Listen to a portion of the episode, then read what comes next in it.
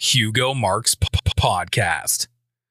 Vítám vás u dalšího dílu podcastu a dnešním hostem je Matěj Kačírek. Tak teď máš prostor, aby ses krátce představil.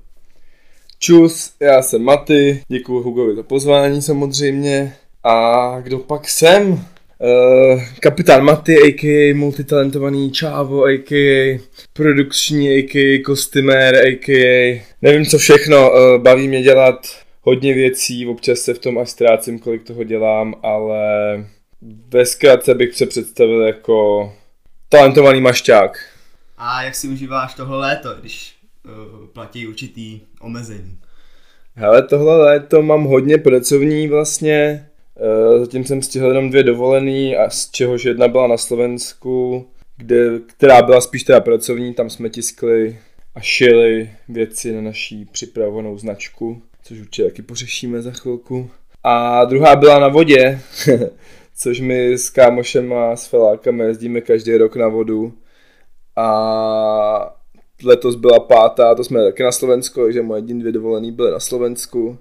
A je to taková, jestli jsi viděl film The Purge, Možná. to je takový to, jak každý rok v Americe jeden den je jako povolený všechen.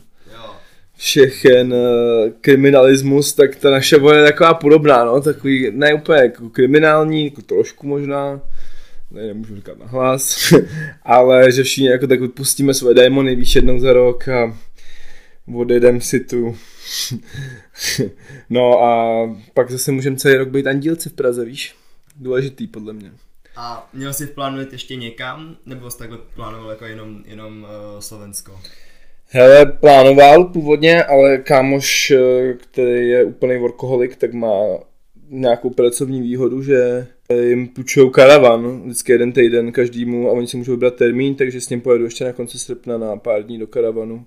Ještě nevíme přesně kam, to budeme domluvat, asi k moři někam, ať si trochu vyrelaxujeme, ale jinak pracovní trávím od rána do večera v ateliéru nebo na natáčení čas, takže ani prostě na seriály jsem na tím neměl čas vůbec. Jsem rozkoukal seriál o formuli. Formule 1 na Netflixu teď? No, no, no, jako seriál na Netflixu o formuli, jmenuje se to Race to Drive nebo Race to Win. A doporučuji určitě, to, já jsem vůbec nevěděl, jako, že ta formula je taková věda. Podívám se. tak můžeme se posunout dál. Tak eh, ty studuješ produkci a dělal si produkční, produkčního k dvou poměrně úspěšným klipům eh, k tracku Prince od Huga Toxe a eh, Hadi od Kasanovy Bulhara. Tak co ti to přineslo práce pro takhle, dá se říct, velký jména? Hele, tak eh, jak to říct, no, jako já dělám produkci, jsem ve třetíku na FAMu, nebo teďka bych měl jako matur, matur teďka bych měl psát maturitní práci, ne, teďka bych měl psát bakalářku, ale jelikož já jsem si už udělal jednoho bakaláře loni na Karlovce na marketingu, tak se do toho nějak nehrnu a vlastně jsem si rozložil, nebo prodloužil a budu dělat bakalářku až za rok, takže té produkci už se věnuju nějaký ten pátek. Začal jsem nějakýma právě jako famáckýma věcma, filmama studentskýma, rek, u reklam jsem byl, u jednou jsem dělal na jako celovečeráku. A vlastně k těm klipům, to jsem se dostal úplnou náhodou, že jsem psal články pár let zpátky pro jeden magazín Checkmax se jmenuje, a i pro, teda pro víc magazínů a zrovna díky tomuhle jsem se tam seznámil s jedním kameramanem. A on o pár let později mi napsal, že si nechci dělat eh, s ním klip, asi před rokem jsme dělali první, rokem a půl. To bylo pro Oriona, Cibicha a Vaka. Nekoukejte se na to asi, ne, ne, ne. Není to špatný, Orion tam má dobrou sloku. Ale tímhle jsme začali a od té doby, co jsme udělali tohle, tak vlastně se nějak začali další oz- ozývat a a tak jsme se dostali až k Bulharovi a k Hugovi a tak dále a tak dále, no. A co mi to dalo jako, tak já už díky Refreshu znám hodně, hodně z těchto jmén jako osobnějš, takže nějaký ten uh, nějak, nevím, neorient, nebo jak, jak to říct. Nemám z toho jako, že bych viděl nějakou takhle slavnou, slavnou osobu a že bych se jako posral a šel si pro ně k ním dát fot, podpis a fotku, ale jakože spíše beru jako sobě rovný normálně, což si myslím, že by se tak měli brát a že i oni to mají ve výsledku mnohem radši, než když jako ti stříkají oči, když se nekoukáš prostě. A ta produkce ona je dost specifická, no speciálně na těch klipech, jako v Čechách na ty klipy nejsou moc prachy, což je trochu problém, protože tam ani nejde o to, že bych si nějak vehementně potřeboval z toho vydělat nějaký jako šilý peníze, což ale samozřejmě taky by se hodilo, protože že jo, musím se nějak uživit samozřejmě. To ale v Čechách jde klipama těžko se uživit, to musím říct jako první věc, určitě na začátek. A ta produkce, jak jsem říkal, je dost specifická, že vlastně ty tam nic nevymýšlíš jako kreativně v podstatě. Ty jenom zařizuješ to, co se vymyslí režisér, potažmo kameraman a vlastně se staráš o to, aby se to natočilo. Jakože ona je dost přehlížená, vlastně všichni, když se to povede, všichni jako pogratulují režisovi, kameramanovi, možná tomu interpretovi, jenom většinou to je ještě větší problém u těch jako českých klipů, že vlastně ty lidi si myslí, že ten interpret si jako natočil ten klip a že on je skvělý, že on si dal vlastně zatím stojí celý tým lidí jako od pěti až po klidně 20 lidí za jedním klipem a ty vlastně mají tam tu práci, no ten interpret občas tam i kreativně jako do toho zasahuje, ale to u, u 90% mých klipů vlastně to jenom vymyslí režisér s kameramanem a interpret to jim to pak jenom řekne, jo, to je super, pojďme to takhle udělat. Od, odrepuje se to tam v tom klipu a, a pak sklízí švestky, jak se říká. Takže, no, takhle to asi funguje. okay. A v případě toho klipu Hadi, protože Mhm. to bych řekl, že to je teď, tak celý to album je asi momentálně jedno uh, nejúspěšnějších v Čechách, tak jaký, jaký máš toho teď pocity, když to, jako, to, to má poměrně vysokou sledovanost, tak eh, jaký máš pocity z toho, že jsi vlastně tomu taky uh, přiložil? Hele, po, pocity jsou z toho krásný, ale jak se říká, pocity ti chleba nezaplatí. Jako. Takže ono, ten klip je super, já ho mám hrozně rád, ale ono právě člověk vůbec neví, jako že se koukne na klip, řekne si, to byl super klip, ale nevidí zatím vůbec tu práci, víš, jakože ona to vlastně není moc prdel, ty, ty klipy, jakože si, já nevím, jako, já třeba jak ty bereš, jako, když se podíváš takhle na klip, co, co ti to, to v tobě vyvolá, jako za pocity. v případě těch hadů, mm-hmm. to jsem se na to koukal a pak jsem slyšel, že podcast, když byl Kasanova u Sinaje mm-hmm. a zjistil jsem, že tam bylo spoustu věcí, kterých jsem si ne- nevšiml. Takže jako když je to propracovaný a jsou tam nějaké jako detaily, které si právě lidi hned nevšimnou, tak mi to přijde hustý, ale tak to, to záleží. Jo. Když tohle jsem ještě ani, ani neposlouchal. Ne? Ale tak je to pravda, no, protože tam, ty tam vidíš na půl minuty, nebo na půl minuty, na pár sekund tam vidíš obrázek psa, ale nevidíš zatím mě, který dva dny předtím obolává, protože se režisér rozhodl, že tam chce psa, tak eh, obolává všechny útulky, všechny chovatele v Čechách, prostě že chceme jako Dobermany, co mají, co mají uši nahoru. To je jako fakt, co lidi nevidí. To je, já jsem díky tomu zjistil, že kupírování, Nevím. Kupírování je přesně to, že ty Dobermani vlastně to nemají přirozeně, ten, ty uši nahoru, ale že to musíš nějak eh, od, přestřihnout tam, nebo nevím, něco. A v Čechách je to nelegální ještě, už jako od roku 90 něco. Což jsem vůbec nevěděl, jenom že my jsme potřebovali ty psy, že jo, s těma ušima nahoru, protože ty vypadají prostě libově. A jako já jsem nakonec jsem ty psy sehnal přes facebookovou skupinou Dobermani. Zadarmo byly úplně zlatý, ta, ta paní, co nám to tam přinesla, to přivezla teda, ty psy, tak byla úplně skvělá, ještě tam, tam poděkovala, že tam mohli být a fakt jako je to hustý, jako je to, jedna věc je to vidět na obrazovce a pak druhá věc je fakt, když vidíš v reálu, jak jsme tam byli u tom, obřím parkovišti, kousek od letiště, prostě tam vzadu hořel vozejk, auto tam bylo, do toho tam běhaly ty psy, do toho Bulhar tam repoval, takže jako je to hustý vidět, je to hodně hustý vidět, ale je zatím fakt jako spoustu práce za těma věcma. Už jenom třeba ten hořící vozejk, to jsme taky jako museli na to sehnat lidi, co dělají speciální, co dělají speciální efekty a zaplatit tak za to jako poměrně velký prachy, no. A jak to zhruba dlouho natáčí takový klip? Já tenhle ten klip se natáčel dva dny. Dva dny, ale měli jsme fakt jako, řekl bych až moc lokací, protože za dva dny, vlastně každý ten den jsme měli čtyři lokace, což eh, se může zdát jako málo, ale je to strašně moc. Museli jsme fakt jako tam narvat hrozně moc, se natočit na hrozně moc lokací, do toho všechny připravit, aby vypadaly nějak, že jo. Takže jako logisticky se to pak musí vymýšlet. Pak i třeba, jestli, jestli víš, jak je tam ten záběr, jak tam vlastně jede na té korbě toho nákladáku. Jo, myslím, že. Tak to si hodně lidí možná myslí, že to green screen, ale on to green screen není, on fakt jako jede v korbě nákladáku, takže i logisticky pak jako sehnat nějaký nákladák, kdo nám to vůbec dovolí, aby jsme tam jeli, sehnat lokaci, aby to vypadalo dobře tam vzadu za ním, ideálně blízko toho, kde nám to půjčovat, že nemusím někam dovážet, protože na to zase opakuju, nejsou prachy. Jako je to, je to věda, no, ty klipy, ale baví mě to, akorát nevím, jestli tím úplně se chci jako nějak dále věnovat, no.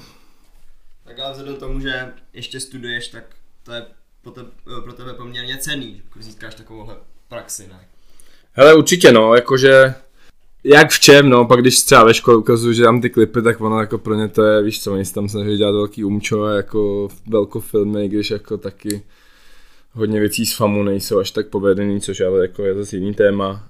Neříkám, že ty klipy jsou nějaký extra jako velký umění, ale i v těch klipech, jako když už, jak je vlastně sleduju a točím nějakou dobu, tak i tam už pak vidíš jako jaký jsou kvalitní, jaký jsou jako nekvalitnější, nebo i jako v podstatě z toho, jak to vidíš, tak to je možná produkční nemoc, trošku jen profesní nemoc, nebo jak se to říká.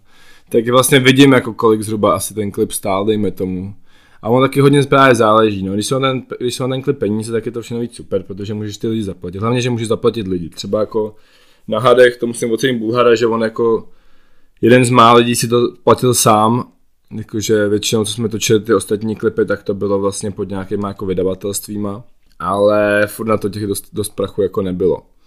Jako abys natočil dobrý klip, potřebuješ třeba aspoň 150. 150 tisíc, což jako ono se to zdá hodně, ale to je tak jako, aby to bylo jako dobrý a všichni se v pohodě zaplatili a nebyly tam žádný stresy prostě. A tady na to byla tak polovina až třetina té částky, co jsem teď řekl, zhruba bych řekl. A když, když bys porovnal třeba jako klipy v zahraničí, tak tam asi uh, těch finančních prostředků mají ty umělci víc, tak to je na tom znatelný, co? No to určitě, no. Tak ono, jak říkám, no hlavní je, že jako ten klip se vždycky nějak natočí, jde o to prostě, že ty, jako ty nechceš, aby ti tam ty lidi pracovali zadarmo, že jo, protože taky je to pro ně práce, taky je tom stráví minimálně aspoň ten natáčecí den. A i když jim prostě zaplatíš, tak s tebou půjdou znova do toho prostě. Takže, což teda zase musím trošku, trošku, nechci úplně hledat špínu, ale třeba Hugo mi přijde, že trochu tady kazí tu českou klipovou scénu. Protože nemyslím samozřejmě tebe. ale on, jako je to taky styl toho, jak to dělat, ale on na ty klipy prostě nedává vůbec peníze. Jakože, když si dá 10 tisíc, tak jsou ty lidi, co to dělají rádi a jak jsem ti říkal, tak nakonec potřebuješ teda 150 tisíc, aby vypadal prostě jako...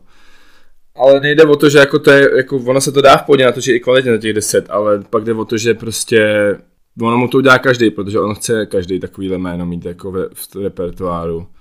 Ale jde o to, že pak právě ostatní dávají tolik na ty klipy, protože vědějí, že jo, že, že to prostě to a jako obecně se tím pak mi přijde, že to je úplně kultura, jako že jak tady může člověk dělat kvalitní klipy, když prostě většinou pak tam zaučí ještě za vlastní prachy, víš co, jakože pak to je v Čechách takový, že ty lidi si natočí jeden, dva klipy, aby to měli do portfolka, aby to mohli ukazovat, ale fakt jako uživit se tím dá hodně těžko a myslím, že to tady umí tak jeden člověk, možná dva v celých Čechách. Takže teda v budoucnu bys uh, radši přešel uh, k produkci jako u filmu, než klipů? Ale upřímně já už produkci přestávám docela dělat. já jsem, eh, jak můžeš určitě vědět z mých koníčků, tak mám rád oblečení. Samozřejmě.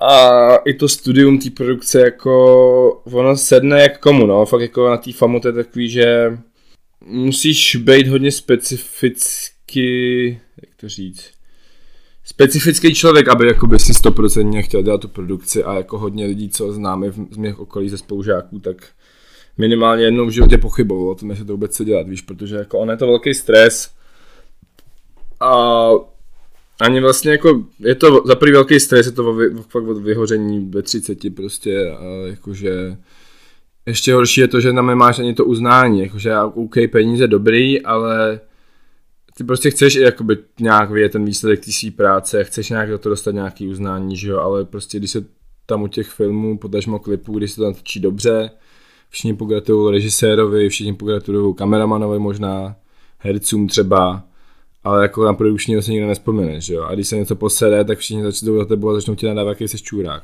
Můžete mluvit prostě? No zatím jako mám status, status clean, ale tak už tak tomu dáme explicit. Dej tam píp nějaký. Tak jo, tak když už si zmínil to oblečení, no, tak si jedním z zakladatelů značky Ultravagant, tak uh, proč jste vůbec rozhodli si zakládat značku oblečení? Hm. Abych to možná ještě dokončil, jen tu minulou myšlenku, promiň. Uh, vlastně jak uh, mám rád to oblečení a dělal jsem, dám tu produkci, tak jsem se dostal takhle, když jsem ve druháku jako už zjistil, že jako to není úplně moje cesta, že nechci jako se tím jako živit full time tou produkcí, protože prostě ona to ani není moc kreativní výsledku. Víš, pak když děláš jako filmového producenta, tak to je super, ale to musí člověk být fakt jako bedna hrozná a fakt jako toho vědět strašně moc a i o, jak o filmu, tak o financích a tak dále a tak dále, to vím třeba, že já bych a to si na to jako plnohodnotně nedosáhl, že mám tolik jiných zájmů, že jako nemohl bych se věnovat tomu, abych byl kvalitní, potažmu vůbec, abych byl filmový producent. Tak jsem si říkal, jak to spojit tu moji lásku k oblečení a filmu a vlastně jsem začal dělat kostýmy poslední půl rok, tři čtvrtě roku a to mě fakt extrémně chytlo a baví mě to. Už teďka v jsem vlastně dělal dva famácký filmy, když jsem vybíjel kostýmy a doufám, že to musím zaťukat, ťuk ťuk. a doufám, že to bude jako do budoucna to půjde takhle, protože jsem se v tom fakt našel a chtěl bych eh, se tomu věnovat. Tak to je dobrý spojení právě jako toho filmařského průmyslu a módního, ty Přes-. Přesně tak, no a hlavně mi to i dalo hodně, víš, ta produkce, jakože já to vůbec nelituju, že jsem to dělal, protože mi to fakt jako dalo nějakou organizovanost, plus minus, to ještě mám jsem s tím jako osobní problémy. a i to jako se s věcí nepo, nepodělat. Status Clean Gang. Eh, protože tam fakt jako tak produkce je kreativní v tu chvíli maximálně, když jako musíš vyřešit průser nějaký, aby se jako to jako nedopadlo špatně, víš co. Takže obvolávat lidi mi nedělá problém, řešit věci, nějaký, dejme tomu money management, nebo orientování se, kolik co stojí a tak, takže vlastně jsem hrozně vděčný za to, co mi to všechno dalo. A i díky tomu si ještě mnohem víc vážím té pozice toho kostyméra, protože právě vidím, jako, čím se ty produkční procházejí, vidím jako ty rozdíly mezi tou prací a hrozně si to užívám. hrozně si užívám nebejt produkční a place, to je fakt jako je to náročná práce, ale právě pak vidím jako lidi ve škole, kterým to jako hodně sedí a vím, že na to budou dobrý a vím, že budou jednou fakt dobrý a jako oceňuju je, protože ta práce je fakt jako záhul. Tak teď teda můžeme přejít k tomu UV. UV. Eh, tak co vás eh, vedlo k tomu si založit značku oblečení? Mhm. Tehdy, to je, už je to pár let. Hele, už je to pár let, no, už je to kolik, pět, třeba čtyři, ty jo? Nevím, nevím přesně, možná. Hele, vedlo nás to k tomu, že my, já to mám, že jo, původně jsme byli čtyři, actually. A byli jsme takový, že hlavně já, což tím teda jsme se jako ve škole chodili po tom Gimplu, že jo, prostě jsme se snažili být trošku jiný, oblíkali jsme se do ženských hadrů, do barevných hadrů, buzerovali jsme každého na chodbách prostě, bylo to náročný trošku, eh, teda pro naše okolí, pro nás to bylo v pohodě.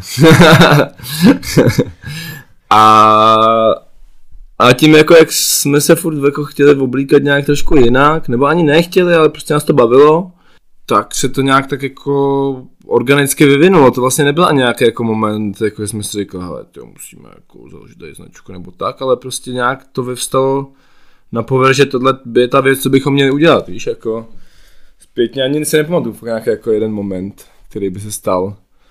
No a vlastně pak jsem první trička natiskl v Americe, když jsem byl rok. A ty teda nevím, kde skončily, ty, máme, ty jsou první čtyři trička, rare shit. Já mám teda svoje doma, nevím jak kluci. No a postup, pak jsme vydali třeba první tři kolekce triček, jako když jsem se vrátil, čtyři a už to šlo, no.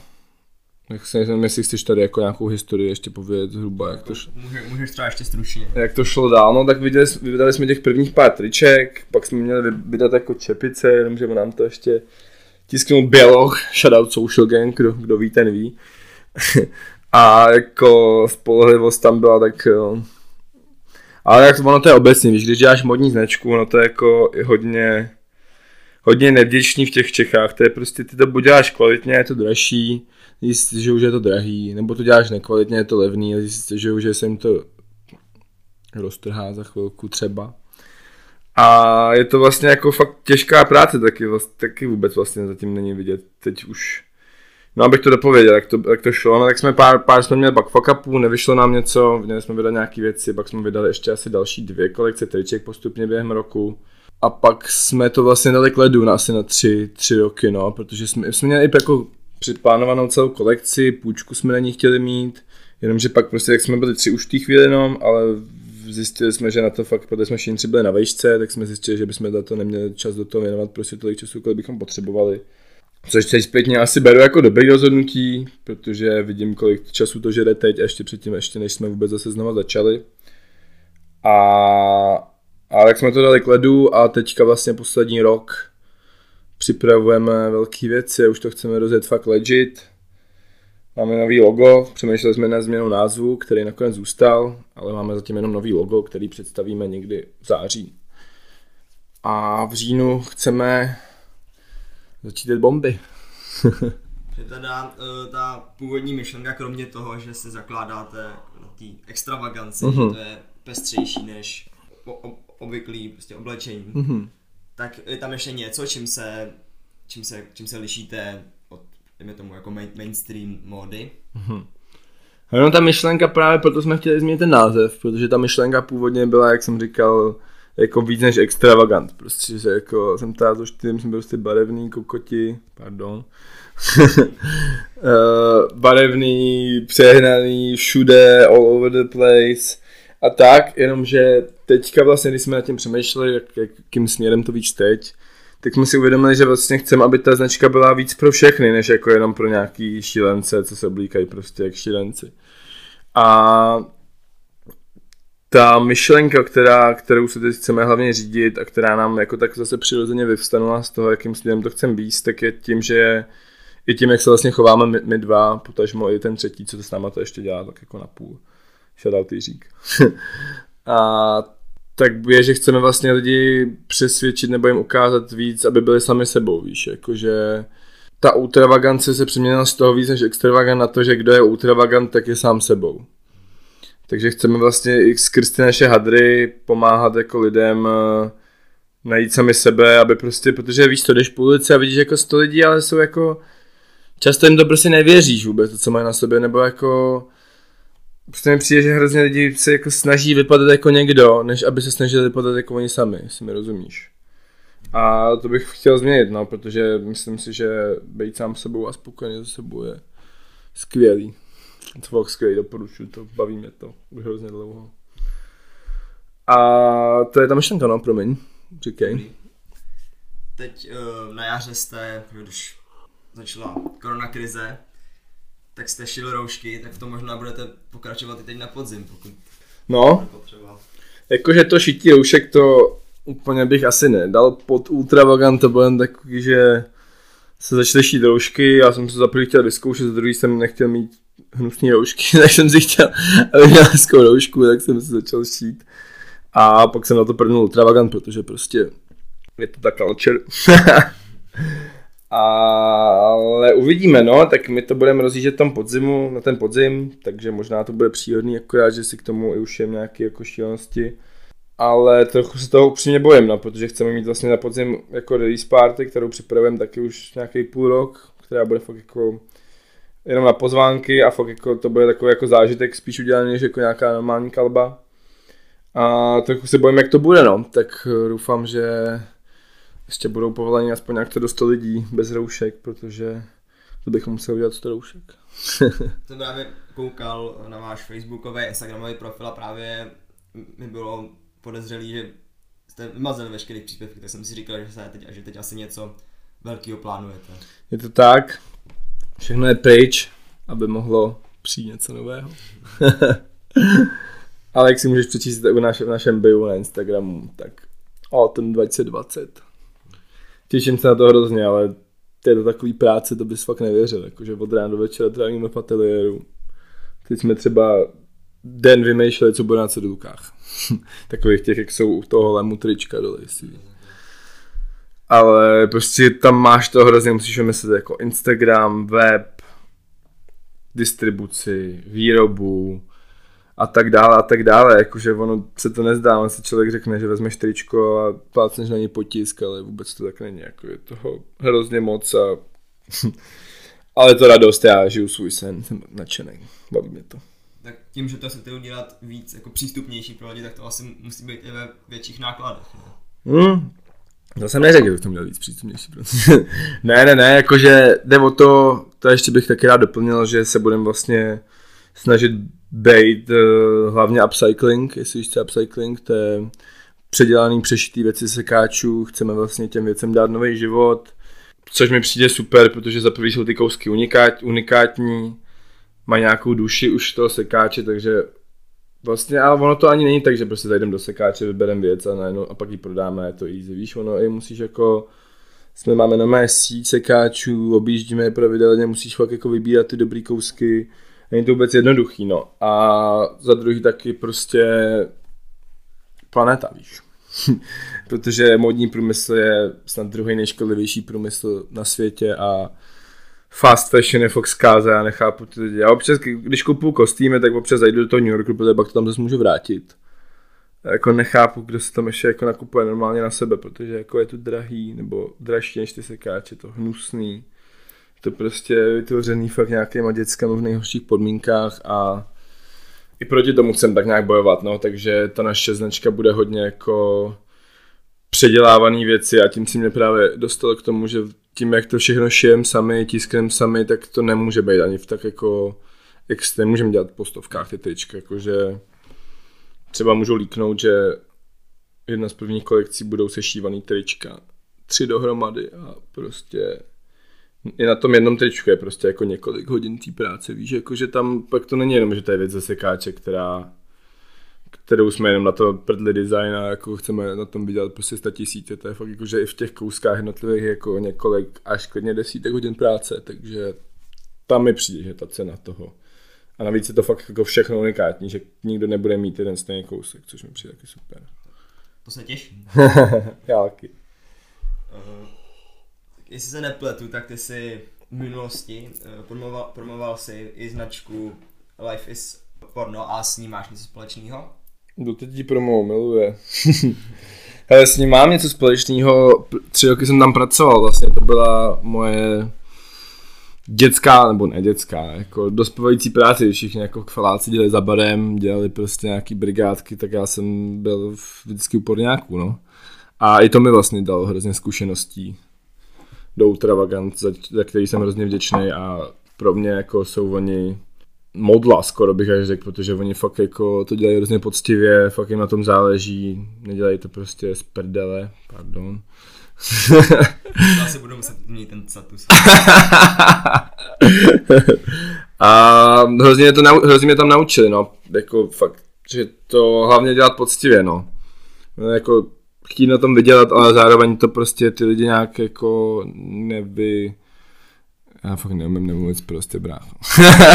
V pohodě, už musím počítat. Nevyjebávat s těma mrtkama. ne, pardon, tak musíš mě tam pořádně vypípat. No, takže tak no, tam jsem dělal tři roky, začínal jsem tam jako fakt brigádník, jsem skálal krabice, balil objednávky a občas jako třeba roznášel magazíny, takové věci. A dostal jsem se postupně až vlastně k tomu, že jsem spravoval celý e-shop a vlastně zašel jsem komunikaci s zákazníkama právě celý jako od eh, vybavení objednávky až po její odeslání a bylo to super, jako ono se to sice zdá, ale my jsme tam jako byli v tu chvíli dva šéfici a dva jako zaměstnanci, takže to byla jako fakt jako hodně rodinná věc. A bylo to super, hrozně mám rád kluky do teďka, hrozně mi dali a jsem za ně moc vděčný. A tím se dostává, dostává úspěchu, že to jako vidím běžně, že to, že, že to nosí lidi. Hmm. Jako jo, tak oni, jak říkám, oni mají super strategie, mají jako ten název, který myslím, že taky hodně pomáhá tomu, že to lidi chtějí mít na sobě a taky právě přesně to mají hodně z toho, mají ručně, děl, ručně dělaných těch věcí. Takže to mi taky přijde, že jako je to super, protože ta unikátnost, jako pro mě je to důležité, já hrozně rád nosím věci, co jiní lidi na sobě nemají, prostě víš. Myslím, že se můžeme se posunout. Hmm. Tak ty uh, přednedávnem si uh, začal pracovat v, reš- v Refreshu. Tak co tě k tomu vedlo? Refreshu? Hele, vedlo mě k tomu to, že já milu moderování. Že to hrozně baví. To je všechno. OK. uh, já právě jsem Refresh vždycky vnímal jako médium, uh, který se zaměřuje na českou repovou kulturu, nebo prostě obecně hudební kulturu a cílí na mladý publikum. Mhm. A včera jsem se podíval právě i na jejich web a přišlo mi, že tam že mají fakt jako eh, širokou škálu rubrik, že tam, Mhm. že teda kromě těch rozhovorů s interpretama nebo eh, reportáží ze shows, tam máte, jak, máte i články o, prostě, o dění ve světě. Mhm. Tak co je teda koncepce Refresheru? Nebo Hele, já nejsem tady žádný šéfik refreshu, to se musíš asi zeptat jeho, co je koncepce. Já jako vlastně na mě stojí jenom ten videokontent, já se vůbec jako na web, web já vůbec neřeším, vůbec nevím, kdo jsou redaktoři, ani je pořádně vlastně neznám, já jenom jsem jako součástí toho videotýmu a vymýšlíme ty videa, no, v podstatě, takže ten web jde hodně kolem mě, na to ti asi nemůžu bohužel tolik odpovědět. A jak to třeba ty aspoň vnímáš, kam směřuje Refresher? Hele takhle, no já jsem uh, začal moderovat na Bangeru, to je, to už server ten asi už ani neexistuje, nebo já nevím, jestli ještě píšou, asi možná jo, ale už to nějak nejede podle mě tak, jak to jezdívalo předtím. Já jsem tam psal jako hodně články právě původně, já jsem vlastně původně redaktor, šéfe. tam jsem psal články a jeden jednou mě jako oslovil šéfik, jestli nechci udělat rozhovor, že vlastně máme YouTube kanál, jestli nechci udělat rozhovor, dělal jsem tenkrát s Maximem Habancem snad, jeden skejťák, nejslavnější asi český. A čtyřešník, no.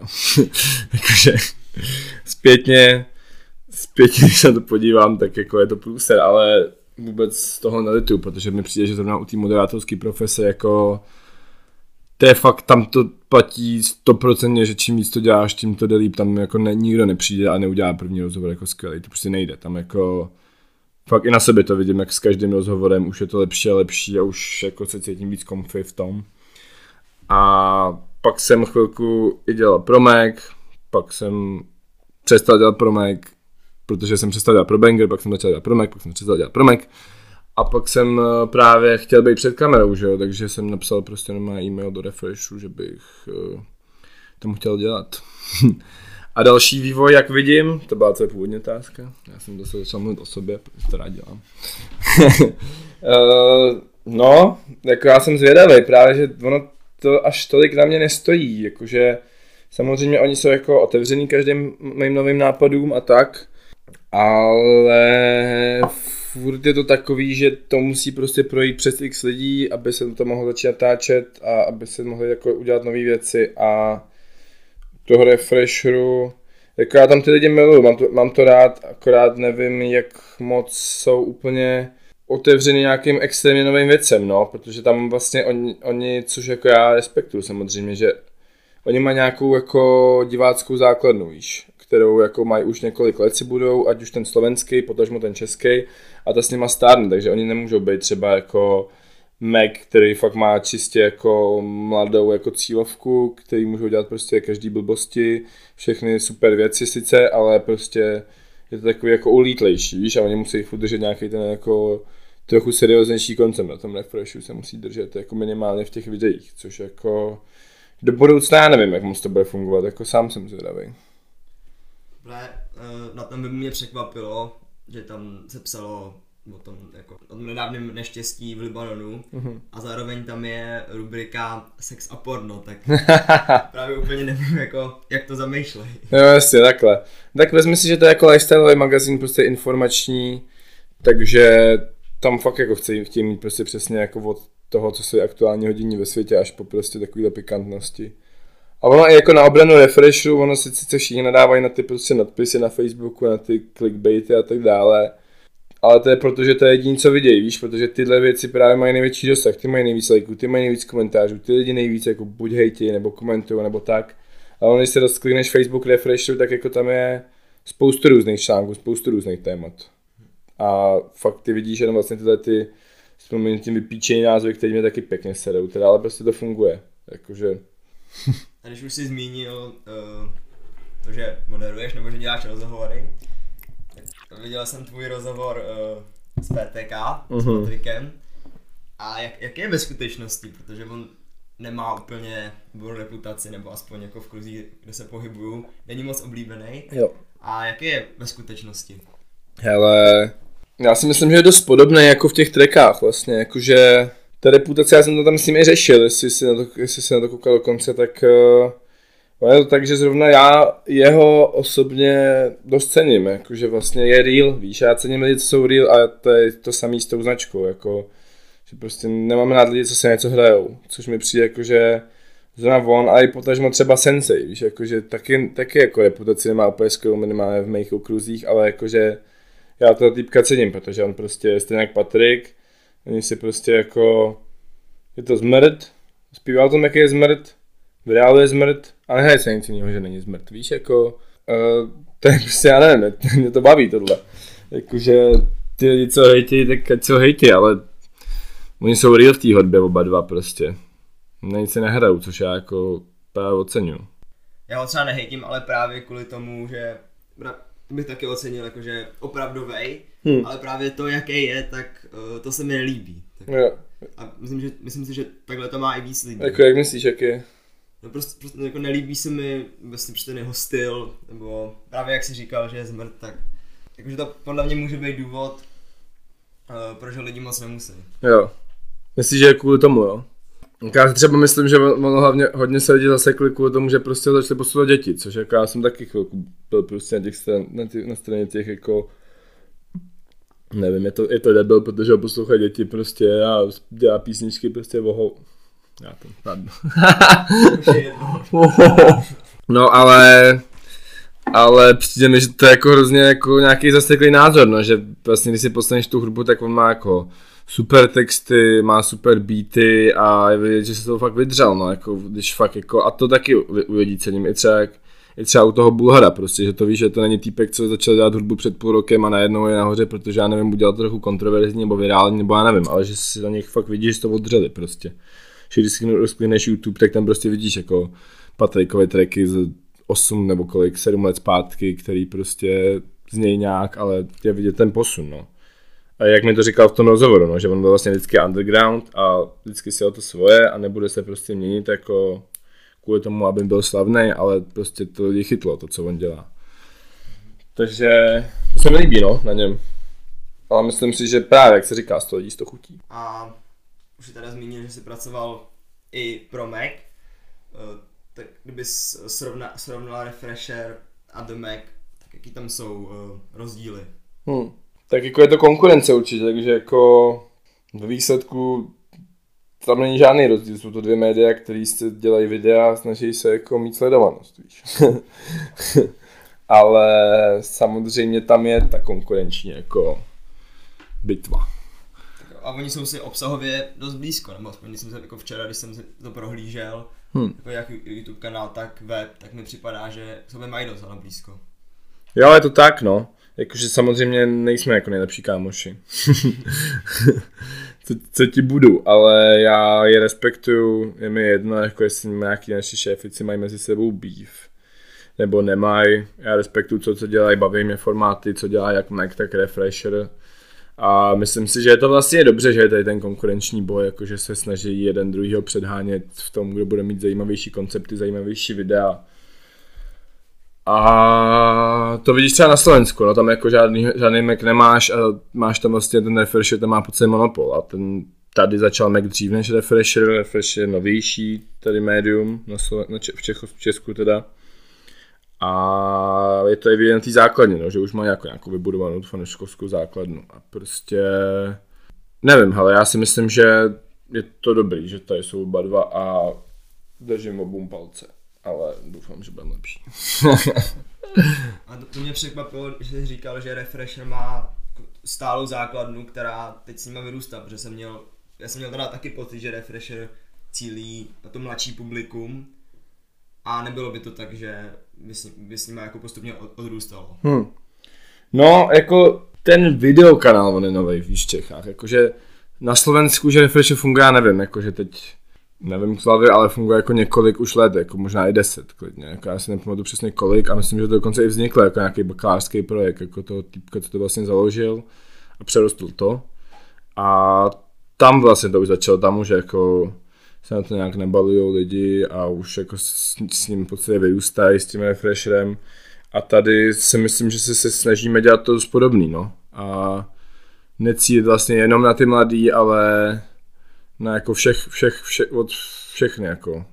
Protože jak můžeš vidět, tak jako třeba ty, protože jsi cílovka, tak přesně koukáš na rozhovor z PTK nebo tak, ale máme na, na YouTube i rozhovory, jako třeba já nevím, s Karlem Nenečkem, nebo takových lidí, co, který zase budou zajímat úplně jinou cílovku, než třeba mě nebo tebe, víš.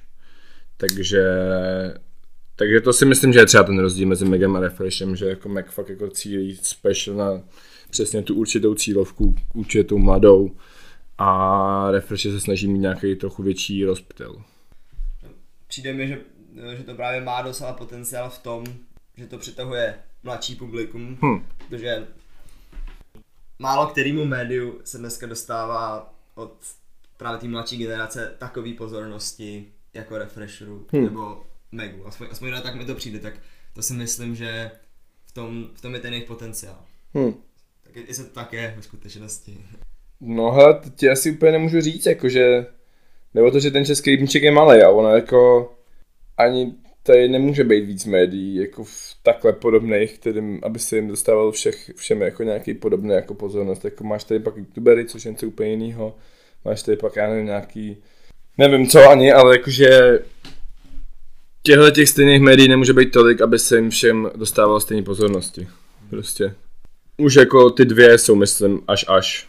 Jakože nevím, neznáš nějaký jiný, co jako to je něco podobného? Znám Jako, právě, no. znám ty, ty dvě konkurenční. Myslím, že zase už je čas uh, se přesunout. Let's move it! Uh, ty jsi docela dost aktivní na Instagramu. Jsem influencer, bra. Tohle otázka, eh, kterou bych rád položil více lidem, ale mám tady tebe. Tak to, že zaznamenáváš jako většinu svých činností, tak nepřijde ti to, že bys o tom přicházel o soukromí, když vlastně všechno eh, zveři- sdílíš Hmm. hmm. s, s okolím. Hele, já nezdílím za taka všechno, upřímně. to by mě žádný lidi nefollowoval. je sranda. Hele, jako zamýšlel jsem se párkrát nad tím, jestli ani ne spíš na tou ztrátou soukromí, což jako mě nějak nepřijde, že bych ztrátil soukromí, jako já si svoje soukromí si držím, dělám své věci, ty lidi jsou kolem mě věděj a to, co sdílím na Instagramu je to, co mě baví a to, co chci nějak těm lidem předávat dál a ne úplně jako prostě, víš co, nezdílím tam s nima, když jdu z do postele prostě. ale jestli chcete, můžu. ne, ale jakože já ztrátu soukromí nějak nepocituju. Upřímně, jakože sám. Na, jako na, na tvém profilu se mi líbí, že právě zapojuješ i sledující, jak máš ty uh, sobotní úspěvy nebo cooking shows. Uh, tak jak tě, jak tě to napadlo právě takhle to propojit jako i se sledujícími, aby nebyli jenom uh, pasivní? Hele, no tak úplně přirozeně, no já jsem prostě nechtěl tam jako jenom vysílat nějaký svoje hovna jako směrem na lidi, ale chtěl jsem i nějaké jako zpětnou vazbu, nebo chtěl jsem ty lidi do toho zapojit, přijde mi, že když už ten Instagram mám a jako mám tam nějaký určitý počet lidí, tak jim nechci jenom nějak jako spát jako své věci, ale chci jako i od nich vědět zpátky feedback, chci jako jim trošku měnit ten pohled na svět, chci jim trochu ukazovat ty hodnoty, které třeba já si myslím, že jsou super a došel jsem si k něm až po, k něm až po nějaký době a hrozně mi v životě pomáhají. A jako obecně to zase jako se vracíme k té naší myšlence té značky, jako já jsem na Instagramu já prostě, víš, jako že nevím, jako samozřejmě tam nezdílím jako všechno, 100% taky mám někdy špatnou náladu, taky to tam občas napíšu, ale spíš se snažím jako lidem předávat jako sebe a hlavně to jako tu dobrou náladu, kterou já jako já ji většinou mám jako v 90% času, to není jako, že bych měl jednou za týden dobrou náladu, tak tam všem udělal, jak jsem chtěl asi šťastný a tak, ale já prostě se mám dobře. a chci, aby ostatní se měli dobře a chci jim právě jako nějak ukázat to, co mě k tomu vedlo, chci jim ukázat své hodnoty, chci vlastně od nich vědět své hodnoty, já se i od nich hrozně rád učím, víš, jako je to skvělý, jako baví mě to, i pak, když mi lidi prostě píšou jako feedback na to, tak top. mi uh, přijde v současnosti jako problém toho Instagramu, když jsou ty sledující jenom v pasivní roli. Hmm. To může, i třeba na sobě to občas pozoruju, že to vede jako i ke špatný náladě, když prostě vidíš, jako jak někdo někde je, nebo něco se děje a ty přitom třeba děláš něco podobného, ale tím, jako jak to ten dotyčný sdílí, Mhm. tak tě to, to, to lidech podle mě vyvolává jako často i špatnou náladu. A to se mi líbí u tebe, že do toho, uh, do toho zapojuješ i ty sledující, že jsou vlastně toho součástí. Jo, jo. No hele, mně to přišlo tak jako fakt uh, organicky, protože jako mě taky baví, když prostě někdo se něco ptá. Mě baví, když prostě někdo mě něčemu vyzve na tom Instagramu. A teď, když to můžu dělat já, můžu vidět ty odpovědi, tak je to super. Fakt jako a myslím, že i právě ty lidi to baví. Jako já, když jsem tím přemýšlel, víš, jak, jak být jako slavným influencerem, když jsem se jako zamýšlel, to je takový můj životní cíl, být influencer a dostávat uh, nový uh, pračku od Lenoru. tak jsem přemýšlel, jak tu kariéru víc, no a právě jsem se jako sepsal různý takové věci, které si myslím, že by mě mohly bavit a mohly by bavit zároveň i ty lidi. A vyšlo z toho tohle. Teď teda zrovna mám pauzu posledně jako nějaký měsíc, protože fakt jako se věnujeme hlavně té značce od rána do večera v podstatě a když ne tý, tak jsem na natáčení. Takže bohužel bych tomu nedokázal věnovat tolik, kolik potřebuju, ale chtěl bych to zase do pár týdnů rozjet a sepsat si vlastně zpětně, co fungovalo, co lidi bavilo, co až tak nefungovalo. A ono je to taky metoda pokus o mnohost, víš, jakože taky jsem zkoušel nějaké věci, které prostě neměly úspěch a lidi mi na to neodepisovali. Ale chtěl bych si takhle sepsat věci, co lidi baví, co bavilo a chtěl bych mít nějaký fakt jediný plán pravidelný a trochu těm lidem posílat nějakou takovouhle radost a dobrou náladu. O čem vím, tak ty sobotní úsměvy nebo, úsměvy nebo uh, cooking show to měl, měl velký úspěch, ne? Že to vždycky tam bylo spoustu hmm. uh, reakcí lidí. No, tohle jsou zrovna takový moje dva oblíbený, lomeno úspěšný formáty, který jsou super, protože víš, jako třeba to cooking show, jako to je prostě, to dá něco lidem a dá to něco mě, já si prostě uvařím dobrý jídlo a si ho pak s ním prostě, a je to dobrý. A mě to baví tam zvát ty hosty, víš, jakože třeba i díky tomu prostě po film s nějakým felákem, který jsem hrozně dlouho neviděl. Prostě mu řeknu, nechceš prostě přijít do cooking show, on yes. A já to většinou i tak dělám, že jako nechám toho člověka vymyslet to jídlo, takže jako nevařím to, co třeba já umím, ale řeknu mu, hele, vymyslit to, nakoupíme ty ingredience prostě a společně to uděláme. Takže já díky tomu zkusím něco nového, miluji se tam do toho hovna na Instagram prostě, jak se to dělá, tak. A je to super, jakože mi přijde a chtěl bych i do budoucna to i třeba, jakože bych si tam zval nějaký jako i třeba slavnější lidi nebo tak, víš. Že by myslím, že by to lidi, ještě by to do, úplně dohnalo to jako do jiný dimenze, když prostě tam bude někdo takhle. A sobotní úsměvy to bylo fakt jako jenom kvůli tomu, že prostě mě baví rozdávat úsměvy všem okolo. Já miluji třeba jet v tramvaji a když se s někým střednu pohledem, tak prostě se nejusmát a pozorovat, jestli on se usměje zpátky nebo si uhne. A když se usměje zpátky, tak prostě to je věc, co ti nic nestojí. Ty se někoho usměješ, on se na tebe usměje zpátky, máte prostě lepší náladu, víš co? A přijde mi, že to jako nějakým způsobem jde dělat i přes ten Instagram, takže proto vznikly sobotní úsměvy. Tak to už znělo tak moudře. tak je, poprosím, že rád rozdáváš eh, lidem nějaký mota životní nebo moudra. Ano, tak jsem filozof. Máš si právě prostě na závěr něco lidem takhle předat. Vždycky, když se v rozhovorech ptáme, jako je, nebo říkám, a jestli ať nám dá nějaký vzkaz na závěr, tak si nikdy nebudu představit, co bych řekl já. Ale co bych pověděl, nehledejte problémy, kde nejsou. To je moje oblíbený moto. Buďte sami sebou, kdo se bojí, nesmí do lesa, nebojte se věcí a neřešte, co si o vás ostatní myslí, budete se mít mnohem líp. Díky Hugo. Taky, taky díky, že jsi dělal čas. Yeah! Skr.